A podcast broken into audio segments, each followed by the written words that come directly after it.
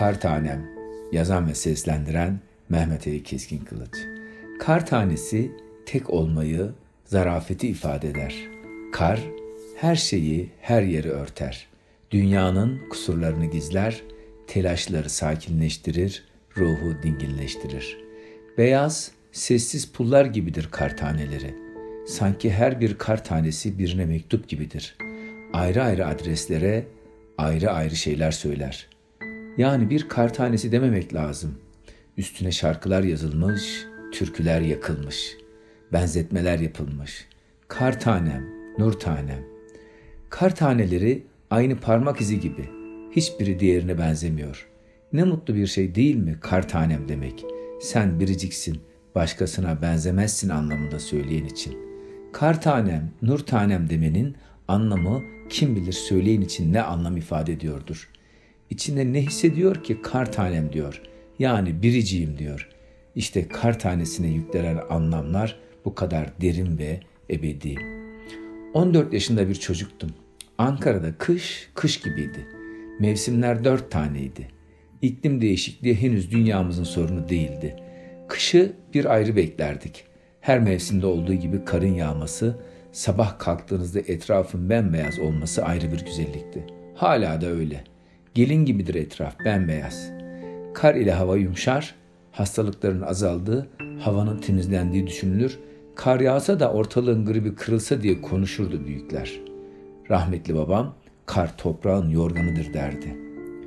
Yazının girişinde 14 yaşında bir çocuktum diye başladığımda karla ilgili anlarım geldi aklıma. Mersinli ve Hataylı iki arkadaşım Ankara'ya okumaya gelmişlerdi. Yatılı okuldayız. Ankara'da kar yağışını ilk kez görüyorlardı.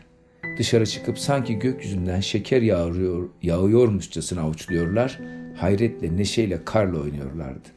O zamanlar bu kadar seyahat olmadığı için ve ben Ankara dışına hiç çıkmadığımdan şaşırmıştım. Ne yapıyorlar diye. Karın yağmadığı yer olur mu? Görmeyen olur mu diye düşünmüştüm. Hala da varlar aslında kar görmeyen, mahallesinden başka semt görmeyen. Hatta en çok içimi acıtan ise geleceğe hazırlık konferansları verdiğim Ankara sitelerde ortaokul son sınıf öğrencisi bana ben Kızılay'a hiç gitmedim, görmedim demesi halen zaman zaman kulaklarında çınlar. Ortaokul öğrencisi bir kar tanesi ve mahallenin yarım saatlik uzakta olan şehrinin en merkezi yerine hiç gitmemiş. Kar yağarken kar tanelerinin düşüşünü seyretmek, avucunuza düşenin şekline bakmak, kar topu yapıp oynamak. Kardan adam yapıp mutfaktan havuç zeytinle burun, kaş göz yapmak, yoksa kömür parçalarından göz yapıp evin çalı süpürgesinden kardan adamın kol olarak takmak. Kimin kardan adamı daha büyük olacak yarışına girmek. Ellerimiz morarıcasına kardan adamla uğraşmak. Yokuş yerden tahtadan yapılmış kızakla kaymak. Yoksa eski kornişlerden kayak takımı yapıp kaymak. Hatta arka arkaya kayıp hep birlikte devrilmek, kahkahalar atmak. Koşarak kayan abilere bakıp acaba ben de onlar gibi kayabilir miyim diyerek hayran hayran bakmak. Evden en iyi kayan ayakkabıyı bulup giymek.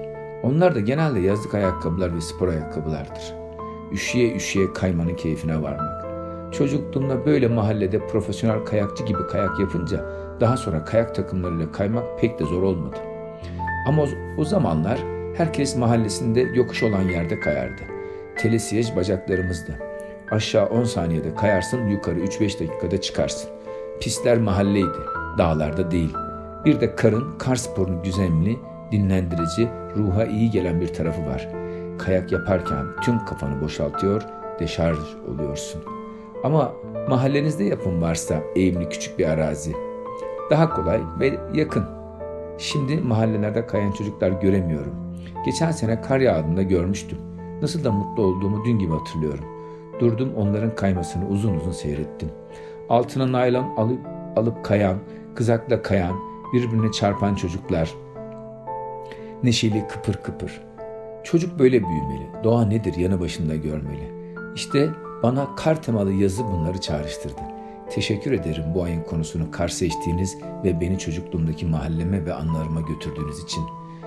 Bu anıları ortak yaşadığımız, hatta farklı şehirlerde yaşadığımız farklı yerlerde çocukluğumuzun geçtiği yaşıt arkadaşlarımla konuştuğumda benzer anılar olduklarını gördük. Hatta her konuştuğumuzda Şaşırdık mı? Hayır diye birbirimize espri yaptık. İşte kar tanem deyince geçmişe bir yolculuk yaptım. Ama asıl aklıma gelen her insanın bir kar tanesi, her insanın biricik olduğu. Her insan, insan olduğu için değerli ve kıymetli. Saygı duyulmaya hak ediyor. Sevmeyi, sevilmeye hak ediyor. Ortaokul öğrencisi o kar tanesi yarım saatlik uzakta olan şehrinin en merkezi yerine gitmeye hak ediyor. Kar tanelerinin saygın olduğunun, değerinin ve kıymetinin anlaşılması, çoğalması, kar topu olup büyümesi dileğiyle sevgiyle kalın kar taneleri, sağlıcakla kalın kar taneleri.''